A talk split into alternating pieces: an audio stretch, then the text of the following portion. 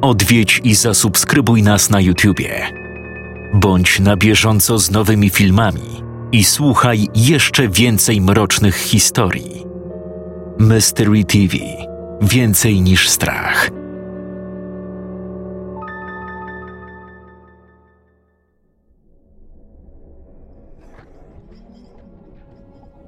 Opowieść tę usłyszałem dawno temu. Przebywałem wtedy na środku pustyni. Moim jedynym towarzyszem był wynajęty przewodnik. Znaleźliśmy niewielką oazę na dnie doliny i tam rozbiliśmy wieczorem obóz. W nocy pod ciemnym niebem, pozbawionym blasku księżyca, usiedliśmy przy ognisku. Przewodnik trzymał w ręku kawałek drewna i coś w nim rzeźbił, podczas gdy ja wpatrywałem się w dal, w surowy, monotonny krajobraz. Znasz jakieś dobre, pustynne opowieści? Zapytałem. Popatrzył na mnie swoimi jasno-niebieskimi oczami przez strzelające płomienie, a potem zawiesił wzrok w palenisku. Przytaknął.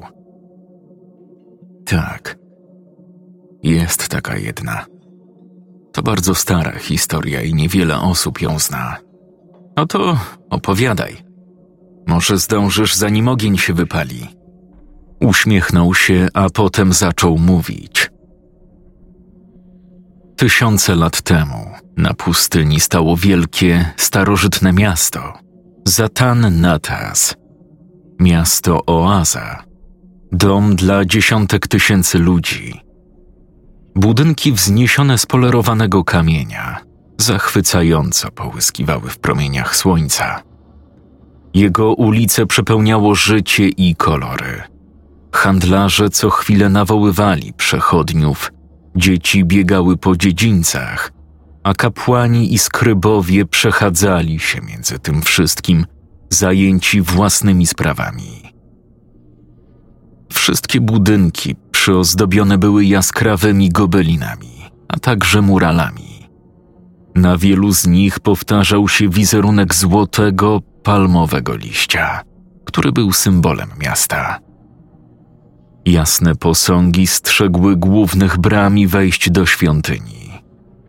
W każdej dzielnicy stała pokaźnych rozmiarów fontanna, tryskająca wodą wysoko w powietrze. Na skrzyżowaniu wszystkich dróg, w samym centrum nad miastem górowała księżycowa wieża. Jej podstawę stanowiła wielka krypta, czyli świątynia i serce całego miasta. Otaczał ją wysoki i masywny mur, tworząc wokół niej niemal idealny krąg. Jednak życie w tym starożytnym mieście z czasem coraz bardziej odbiegało od ideału. Tuż przed świtem w nowiu księżyca młody myśliwy imieniem Aser wspinał się na dach swojego domu, by oglądać comiesięczne widowisko. Kiedy tylko pierwsze promienie słońca pojawiały się nad horyzontem, całe miasto wstrzymywało oddech. Ulice pustoszały, ludzie kryli się w domach, w ciszy. A potem z wielkiej krypty nadchodził dźwięk mordu. Niezbyt głośny, ale nie dało się go pomylić z niczym innym – każdy mieszkaniec Zatannata stwierdził, że słyszał go w tej jednej, konkretnej chwili. Następnie zamknięte wrota wielkiej krypty otwierały się i czterech wysokich kapłanów wynosiło kamienny sarkofag ozdobiony złotym liściem palmy i czarnym słońcem, symbolem bogini. Gdy wszyscy inni ukrywali się w domach podczas trwania ceremonii, wyglądając nieśmiało przez okno, jeśli byli na tyle odważni, Aser wchodził na dach i patrzył na milczący pochód z centrum miasta, zmierzający do południowej bramy. Ceremonie były odprawiane już przez pięć lat. Bardzo stara legenda głosiła, że miasto znajdowało się pod ochroną bogini Przepowiadano jednak, że pewnego dnia zjawi się demon, aby je zniszczyć.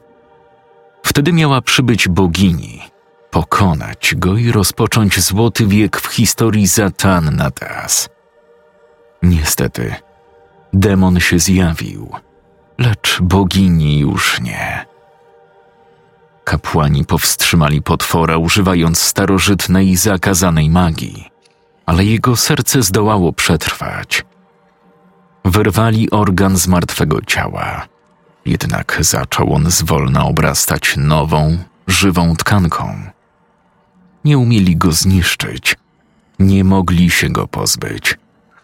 Umieścili więc serce w najgłębszym grobowcu wielkiej krypty i zapieczętowali wejście. Następnie każdego miesiąca powracali.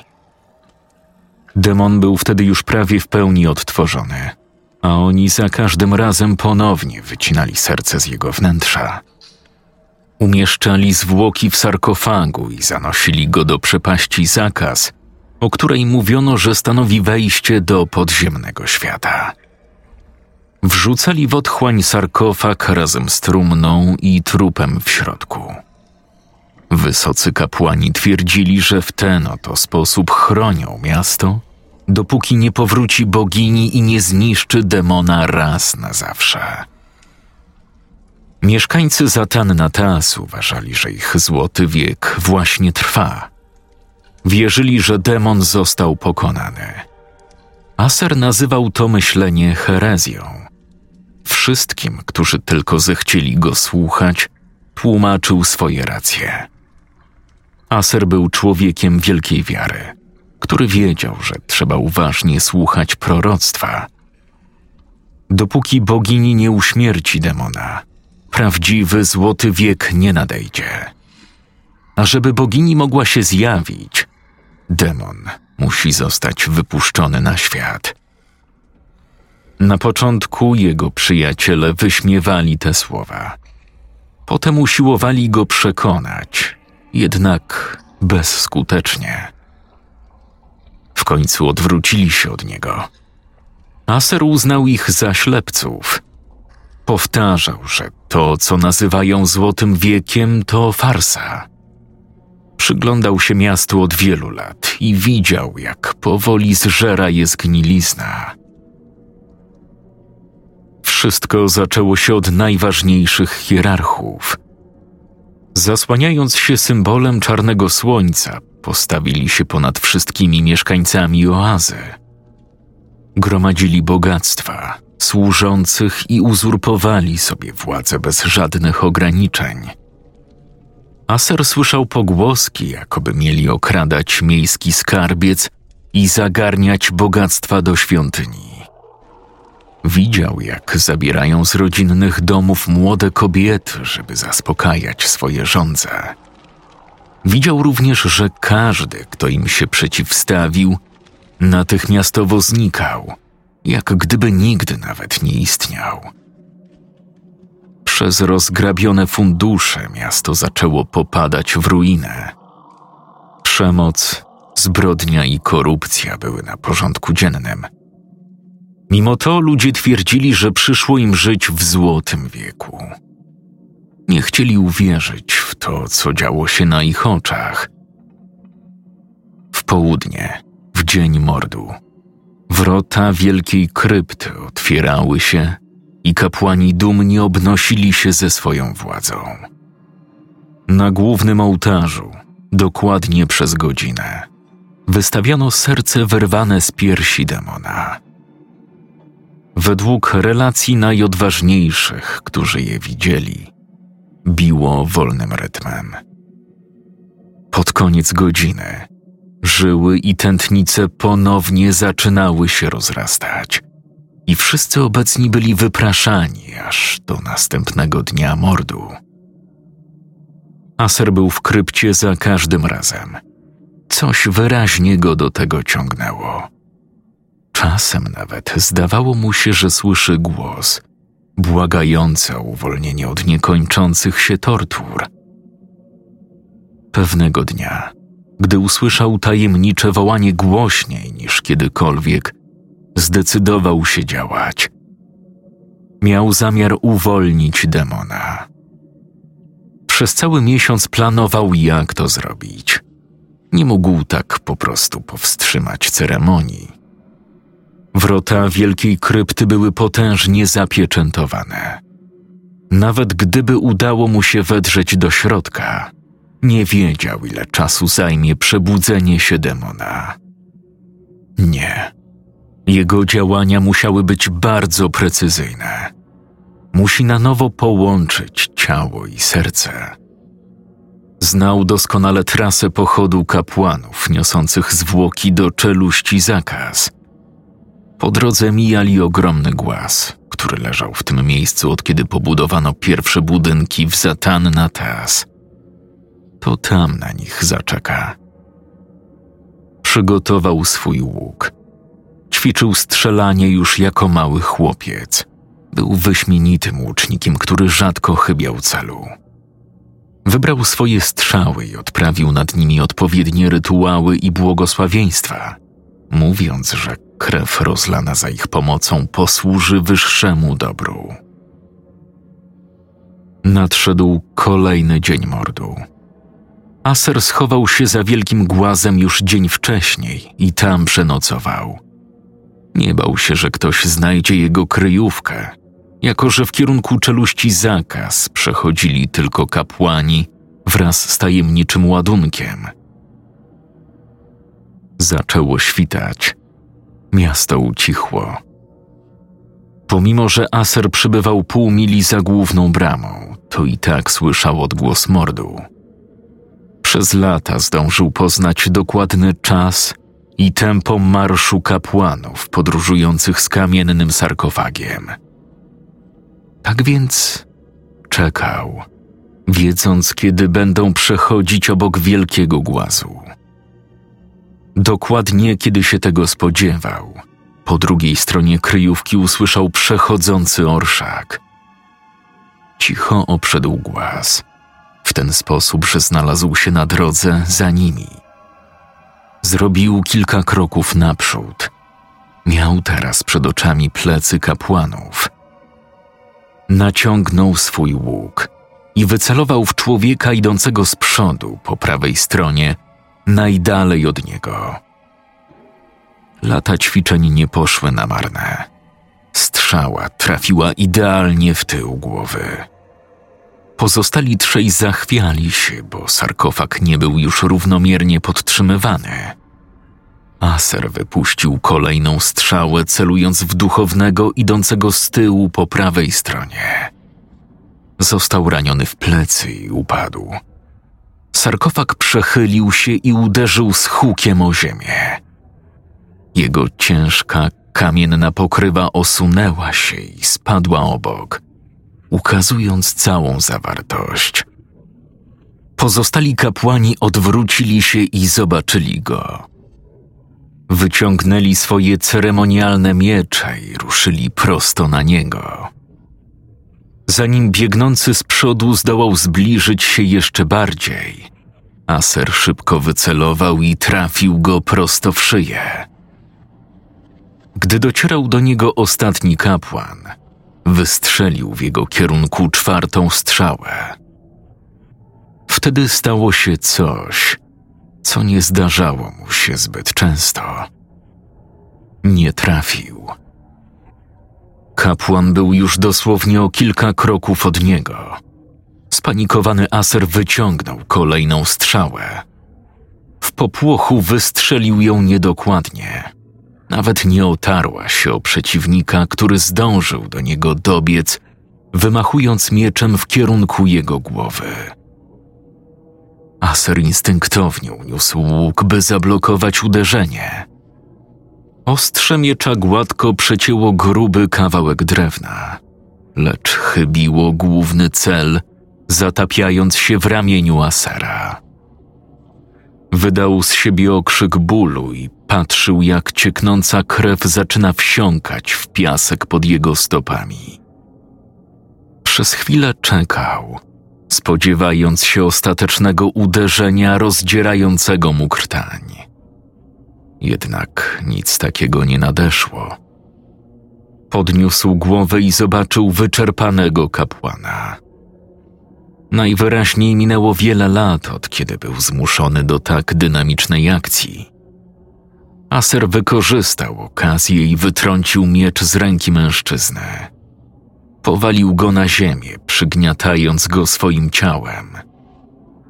Z całych sił zacisnął dłonie na jego szyi i trwał w tym uchwycie przez chwilę, która zdawała się dla niego wiecznością. W końcu kapłan przestał się poruszać. Aser podniósł się. Był przerażony i z trudem łapał oddech. Zabicie poprzednich ofiar zostało uświęcone, dokonane przez rytualne strzały. Jednak to, co przed chwilą zrobił, było już morderstwem z zimną krwią. To oznacza zgubę dla jego duszy. Po chwili wstrząsu opanował nerwy, przypominając sobie cel swojej misji. Jeśli uda mu się dać początek prawdziwemu, złotemu wiekowi, jego dusza z pewnością zostanie odkupiona. Podszedł do leżącego sarkofagu. Zsunięta pokrywa spoczywała zaraz obok. Przygotował się na odrzucający widok, po czym zajrzał do środka kamiennej trumny. Nie spodziewał się tego, co ujrzał w jej wnętrzu. Przeraziło go to bardziej niż mogło cokolwiek na ziemi. Po kilku minutach wpatrywania się, ostrożnie zebrał zawartość do wielkiego jutowego worka. Jęcząc z bólu, zarzucił go sobie na niezranione ramię i pognał z powrotem do Zatan Natas. Potem wraz ze swoim łupem godzinami ukrywał się w ciemnej alejce. Czas rozciągał się w nieskończoność. W końcu ujrzał słońce bezpośrednio nad sobą i wiedział, że już czas. Początkowo duchowni nie będą podejrzliwi. Przecież Aser był zawsze obecny na wystawieniu serca. Jego plan połączenia serca z ciałem był bardzo misterny i skomplikowany, ale z każdą kolejną godziną oczekiwania narastała w nim wściekłość. Nie będzie niepotrzebnie wydłużał działania nawet o sekundę. Właśnie w tej chwili usłyszał głośne skrzypnięcie. Natychmiast zorientował się, że wrota wielkiej krypty zostały otwarte.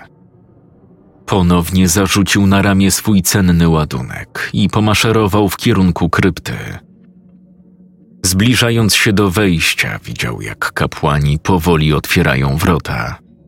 Jeden z nich uśmiechnął się na widok Asara. Widywali go przy każdym nowiu od lat.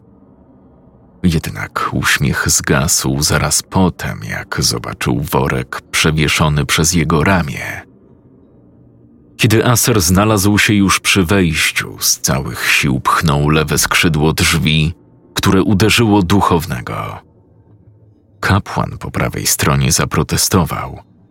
Aser odwrócił się i zamaszystym ruchem za pomocą ciężkiego worka zmiótł go na ziemię. Górował nad nim wysoki sufit świątyni.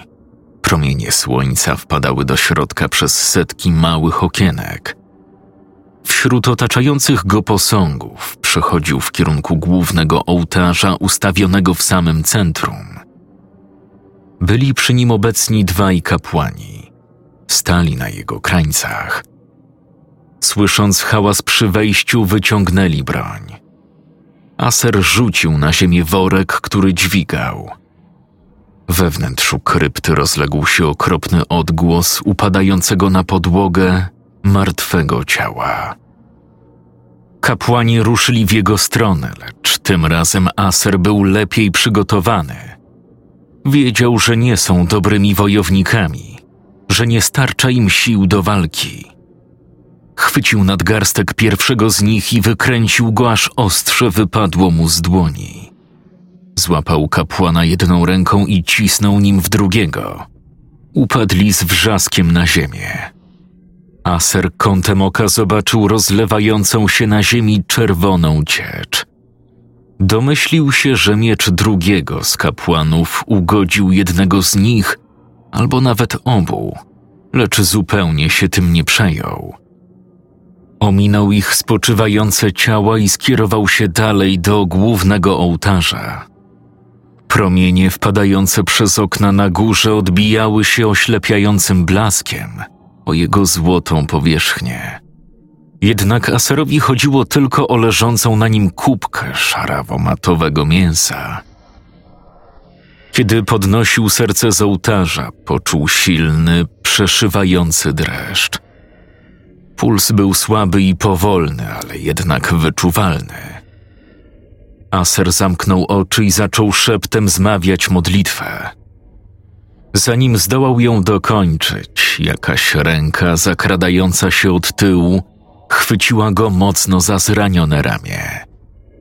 Obezwładnił go palący ból, wykręcający jego ciałem w drugą stronę. Otworzył oczy i ujrzał przed sobą rosłego mężczyznę ubranego w skórzaną zbroję. Widniał na niej symbol czarnego słońca. Aser nie zdążył zareagować. Ciężka pięść uderzyła go prosto w twarz i wszystko rozpłynęło się w ciemności. Zbudził się w pomieszczeniu, które było niepodobne do żadnego innego, jakie wcześniej w życiu widział. Siedział na masywnym, drewnianym krześle. Nie był niczym skrępowany. Przed nim znajdowała się wysoka mównica oświetlana słabym płomieniem pochodni. Jej promienie przecinały wszechobecną ciemność, rzucając na ścianę dziwnie wyglądające cienie. Aser czuł niepokój, jako że nie dostrzegał nic, co mogłoby być źródłem mrocznych kształtów. Ściany były pokryte malowidłami, które w świetle dnia mogłyby wyglądać normalnie. Jednak w panującym półmroku, pełnym tańczących cieni, każdy z obrazów zdawał się mieć w sobie coś iście demonicznego. Po chwili pełne gracji czarne postacie na ścianach zaczęły się skręcać i wyginać. Na ziemi pod jego stopami leżał dywan wykonany ze skór nieznanych mu zwierząt. Kilka sekund po tym, jak odzyskał przytomność, usłyszał otwierające się za nim drzwi. Cicho stawiane kroki zatrzymały się przy jego plecach, a potem odezwał się niski głos. Pomyślałem, że mój osobisty gabinet zapewni nam więcej prywatności niż cela w lochach. Wysoki mężczyzna odziany w taką samą skórzaną zbroję przeszedł parę kroków do przodu Stał teraz dokładnie między aserem i pochodnią. W jej przyćmionym świetle widać było zaledwie ciemny zarys sylwetki. Aser nie widział jego twarzy, z wyjątkiem połyskujących na niebiesko, wpatrzonych w niego oczu. Pozwól, że się przedstawię. Jestem Sukas, dowódca Straży Kapłańskiej. Oczywiście nie słyszałeś o nas – bardzo staramy się utrzymać naszą służbę w tajemnicy. W ten sposób łatwiej jest nam ją wykonywać. Gdy Aser w pełni odzyskał już przytomność, powróciła wściekłość, silniejsza niż wcześniej.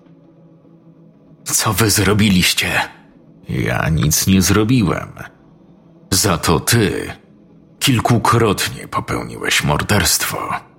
Wywołałeś w mieście panikę i niemal zrujnowałeś wiele lat mozolnych wysiłków. Wiesz o czym mówię? Co tam było? W odpowiedzi zauważył tylko błysk zębów sukaza, szczerzącego się w uśmiechu. Ach, chodzi ci o zawartość sarkofagu. Chyba nie muszę ci tego tłumaczyć. Wiedziałeś, czym jest, jak tylko ją zobaczyłeś. Możesz wierzyć albo nie. Aser cofnął się myślami do chwili sprzed kilku godzin, gdy spoglądał do wnętrza kamiennej trumny. W środku znalazł zwłoki, ale nie należały do demona. Spoczywało tam ciało kobiety. Była dostojna, wysoka i piękna. Jej skóra emanowała delikatnym blaskiem zalewającym cały sarkofag. Swoje następne słowa Aser wygłosił powoli i wyraźnie, przesycając furią każdą kolejną sylabę. Zgładziliście boginię. Tak, wiele razy. Aser gwałtownie podniósł się z krzesła, chcąc sięgnąć dłońmi gardła strażnika. Jednak gdy tylko wstał, twarda pięść kolejny raz uderzyła w jego szczękę. Z bólem opadł na krzesło. W ustach czuł posmak krwi. Od razu zauważył też, że po prawej stronie brakuje mu dwóch zębów. Nie myśl sobie, że możesz mnie zabić z tą samą łatwością jak tamtych wychuchanych kapłanów, chłopcze. Do tej pory szczęście ci sprzyjało, ale twoja dobra passa się skończyła. Aser wyprostował się, ale tym razem już nie wstał. Spojrzał na stojącego przed nim człowieka.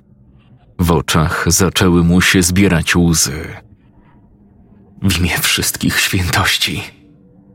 Jak możecie robić coś takiego? W zasadzie to ja jej nigdy nie zabiłem.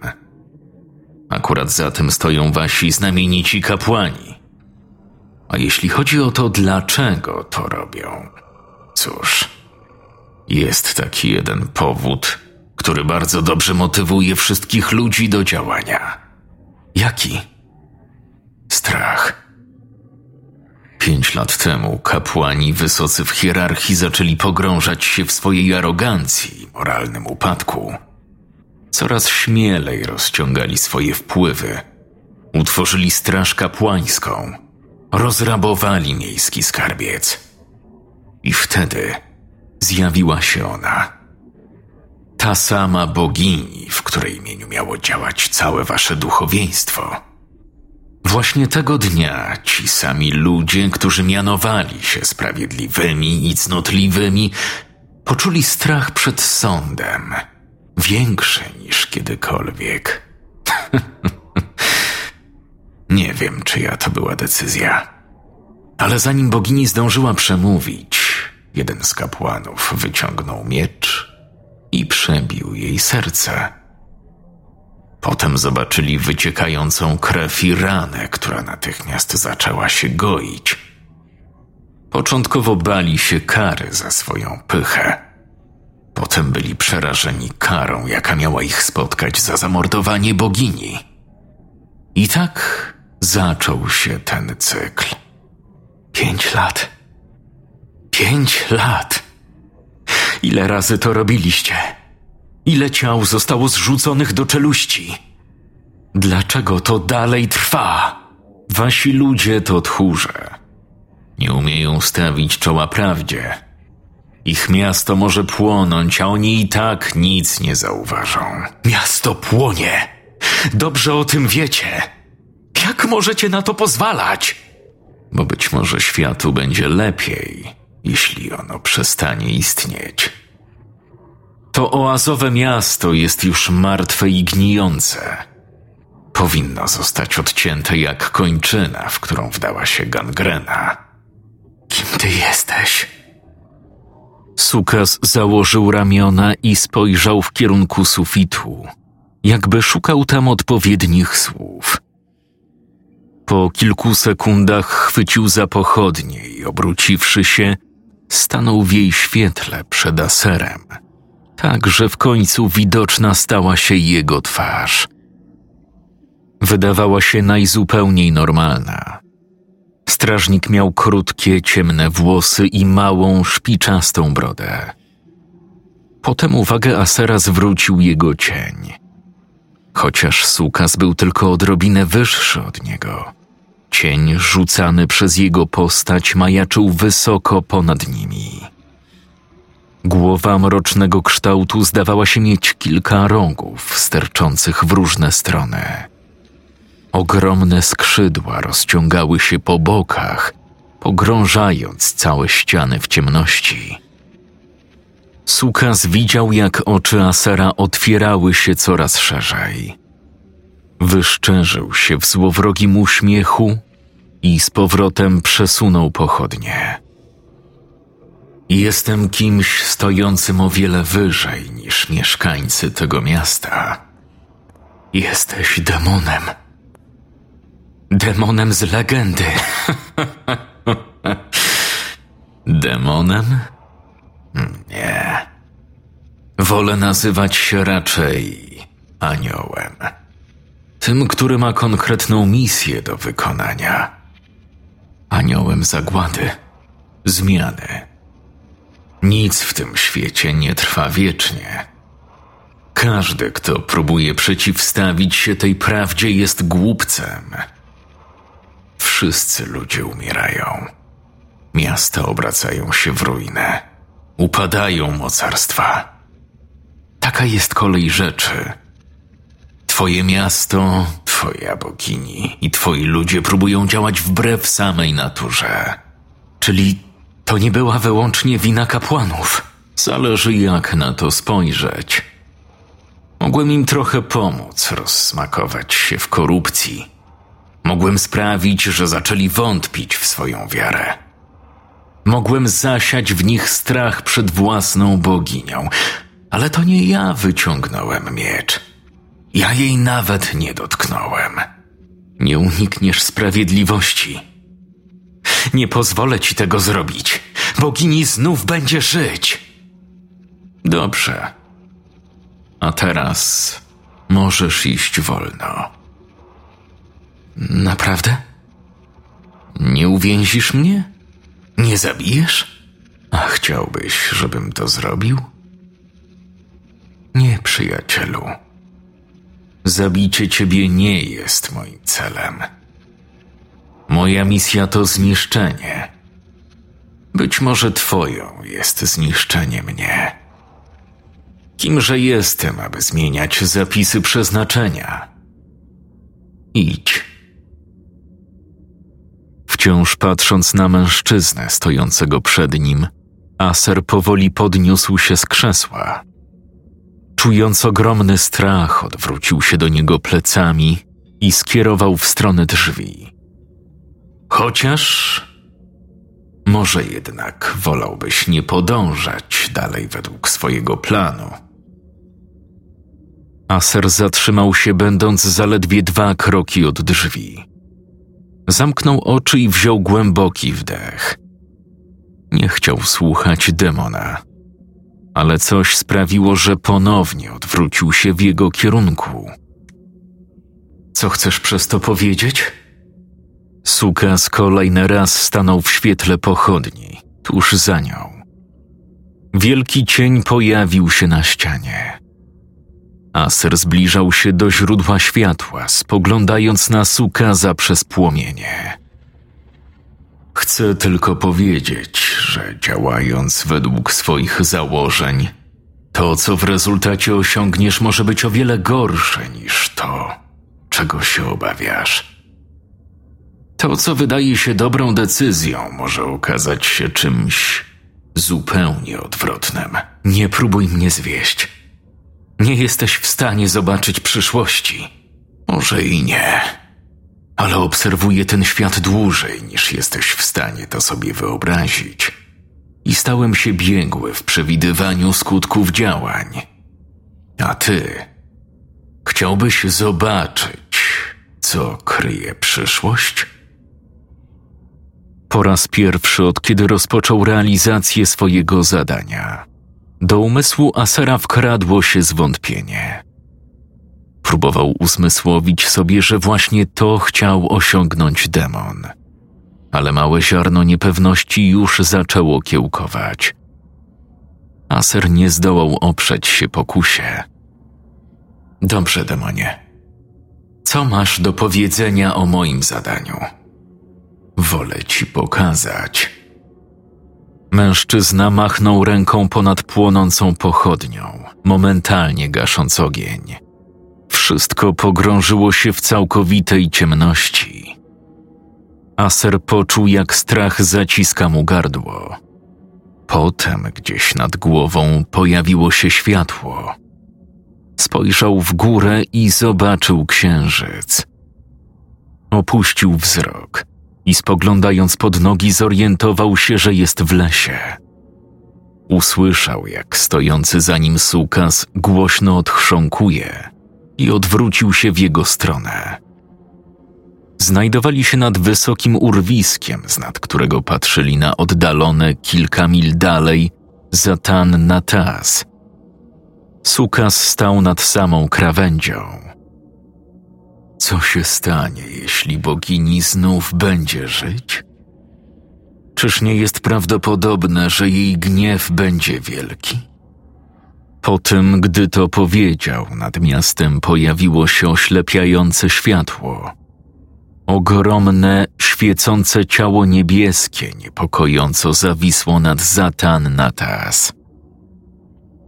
Czyż nie jest prawdopodobne, że miasto zapłaci za to wszystko najwyższą cenę? Tajemnicza kula światła spadła w ułamku sekundy, uderzając w centrum miasta. Nagle nastąpił rozbłysk, tak jasny, że Aser musiał zasłonić oczy. Kilka chwil później poczuł przechodzące wstrząsy fali uderzeniowej. Odsłonił oczy i zobaczył kilkanaście innych, rozjarzonych ciał niebieskich, nadlatujących nad miasto i spadających jedno za drugim. Zmusił się, by spojrzeć na szalejące światła i zobaczył, jak kolejne eksplozje roznoszą miasto na kawałki. Domy wylatywały w powietrze. Wspaniałe posągi zostały obrócone w pył. Wreszcie widział, jak księżycowa wieża wali się i rozpada.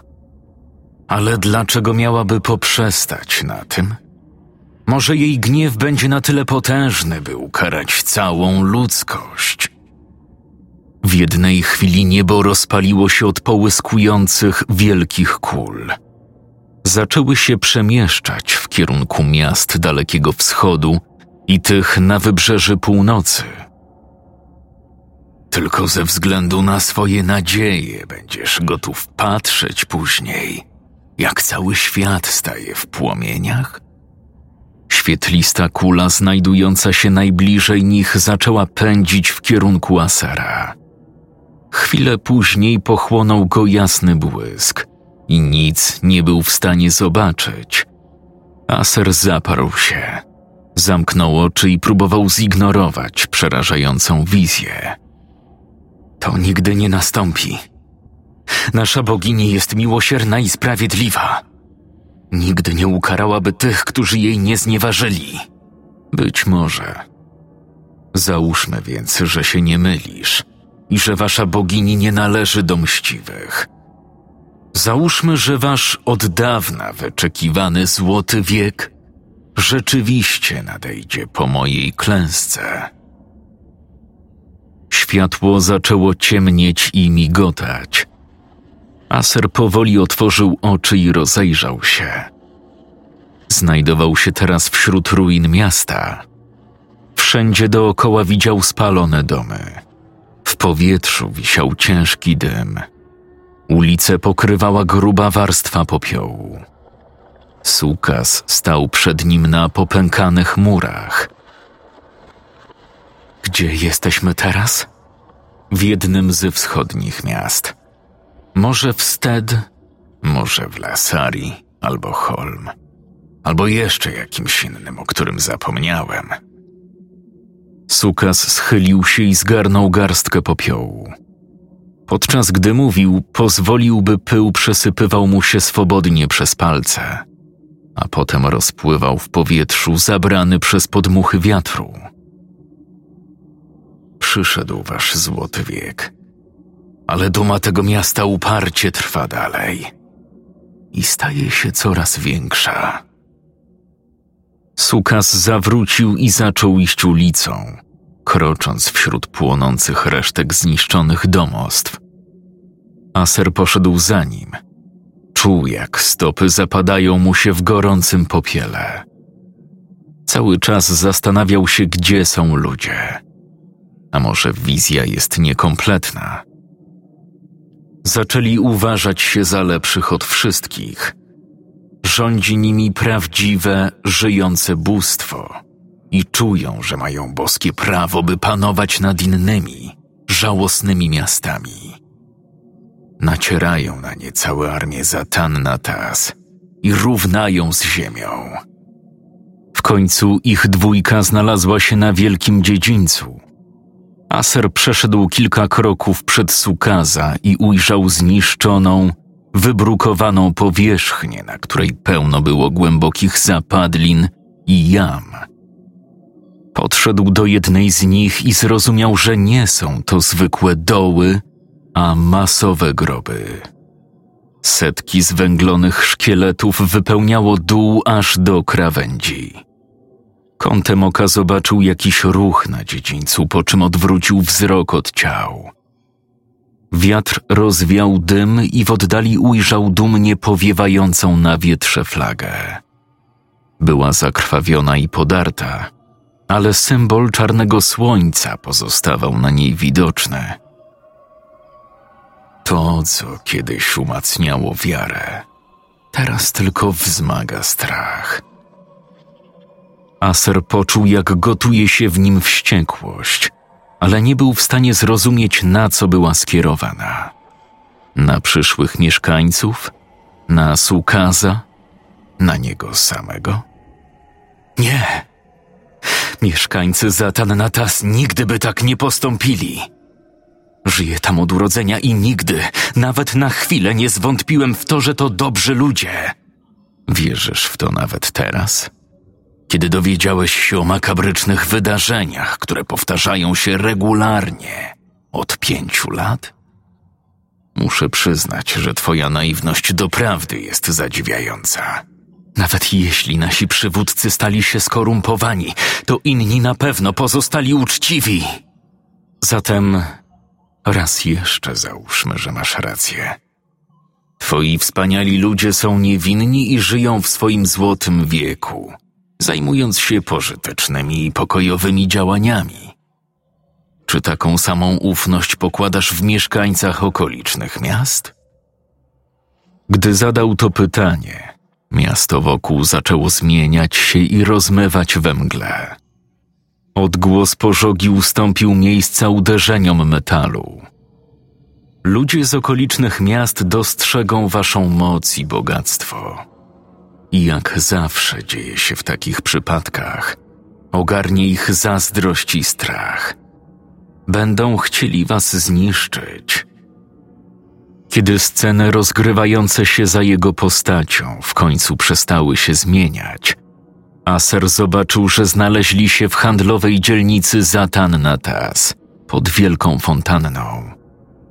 Tryskała z niej woda w kolorze jaskrawej czerwieni. Wokół niej zaciekle walczyli żołnierze. Strażnicy Zatannatas zostali zdziesiątkowani, ale nie poddawali się z każdą sekundą padał kolejny obrońca. Żołnierze przeciwnika nosili różne symbole na swoich zbrojach. Zwyciężą, oznajmił Sukas. Poinstruował Asera, by ten obejrzał się za siebie. Aser odwrócił się i ponownie zobaczył ciało bogini. Usunięto z niego serce i odcięto głowę. Aser padł na kolana, widząc ulice oazowego miasta wypełnione śmiercią. Przymknął oczy i schował twarz w dłoniach. Hałas wokół wreszcie przycichł. Podniósł wzrok i zobaczył, że z powrotem znaleźli się w gabinecie Sukaza. Płomień pochodni ciągle płonął. Aser czuł, jak kręci mu się w głowie. Sukas stał nad nim i w oczekiwaniu na odpowiedź wpatrywał się w niego swoimi jasno-niebieskimi oczami. W końcu Aser wstał i wziął głęboki oddech. A więc, co teraz zamierzasz? Wierzę w boginię. Wierzę w Zatan Natas i wierzę w ludzi. Będę świadkiem Twego upadku, demonie. Nieważne za jaką cenę. W jego głosie nie było nawet cienia zawahania, nawet odrobiny gniewu. Wybrzmiewało w nim jedynie silne przekonanie, które wywołało wyraz prawdziwego zdumienia na twarzy Sukaza. Aser odsunął go z drogi i odszedł w kierunku drzwi. Stój! Teraz mnie zabijesz? Nie. Nie działam w ten sposób. To czego chcesz? Zobaczyłeś to, co mogłoby się wydarzyć. Ale teraz dowiesz się, co naprawdę się stanie. Dam ci szansę. Szansę, byś zakończył swą bezmyślną krucjatę i w spokoju dożył reszty swoich dni.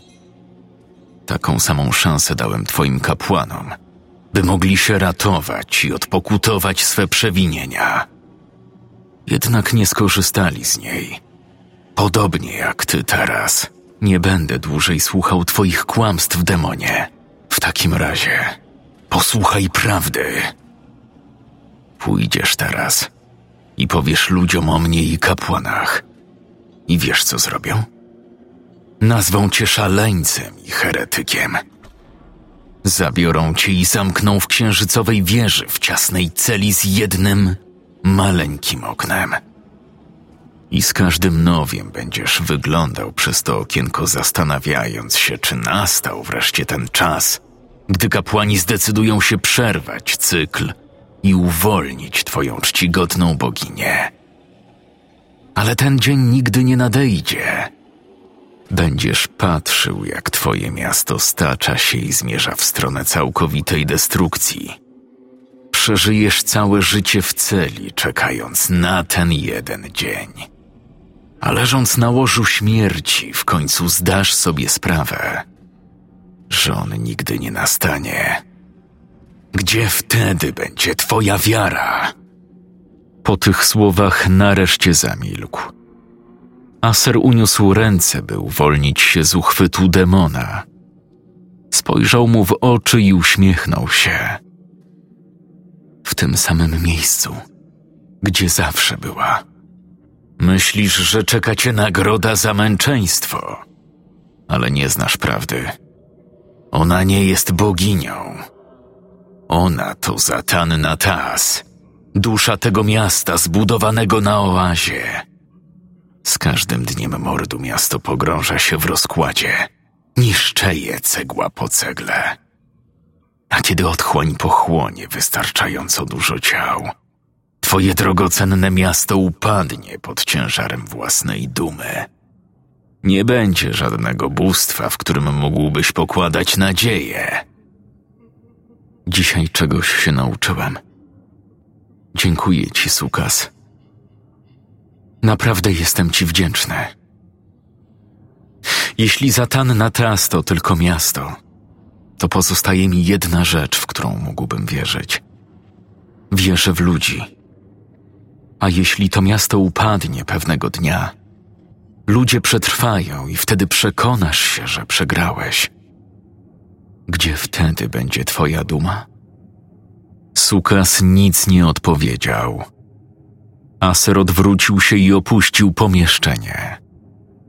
Demon zagładę myślał przez moment w ciszy, a potem na jego twarzy pojawił się ironiczny uśmiech. Powodzenia, człowieku silnej wiary. Będziesz jej potrzebował. Pochodnia zgasła i wszystko ogarnęła nieprzenikniona ciemność. Przewodnik przestał mówić i wrócił do strugania. Dałem mu chwilę, myśląc, że zaraz wróci do opowieści, lecz w końcu zapytałem: I co? Co było dalej? Spojrzał mi w oczy i uśmiechnął się. Nie zachowały się żadne oficjalne informacje o tym starożytnym mieście. Westchnąłem i poszedłem po pochodnie. Odpaliłem ją od ogniska i ruszyłem za nią w kierunku źródła, które znajdowało się kilkanaście metrów od naszego obozowiska. W drodze do niego kontynuowałem rozmowę z przewodnikiem. A myślisz, że to miasto w ogóle kiedyś istniało? Znaleziono pewne relikty, o których mówi się, że pochodzą z miasta Oazy. Doszedłem do źródła. Wbiłem pochodnie w ziemię i napiłem się, nabierając wody w złożone dłonie. Niektórzy twierdzą, że głęboko na pustyni, w zimne, bezksiężycowe noce, można spotkać dziwnego mężczyznę. Właśnie miałem odwrócić się w stronę ogniska, kiedy pod powierzchnią wody zobaczyłem coś nadzwyczajnego. Dziwnego mężczyznę z połyskującymi, niebieskimi oczami. Wyciągnąłem pochodnie z ziemi, podniosłem ją wyżej. Na dnie strumienia leżała kamienna płyta. Mówią, że jeśli grzecznie poprosisz, to na pewno zechce opowiedzieć ci tę historię. Opowieść o ostatnim wiernym wielkiego, starożytnego i zapomnianego miasta Zatan, Natas. Na kamiennej płycie pod powierzchnią płynącej, czystej wody dostrzegłem dwa symbole – świecący złoty liść palmy i duże czarne słońce. Popatrzyłem w stronę obozowiska, żeby zawołać przewodnika, ale w tej samej chwili odkryłem, że jestem sam pod nocnym, bezksiężycowym niebem pustyni.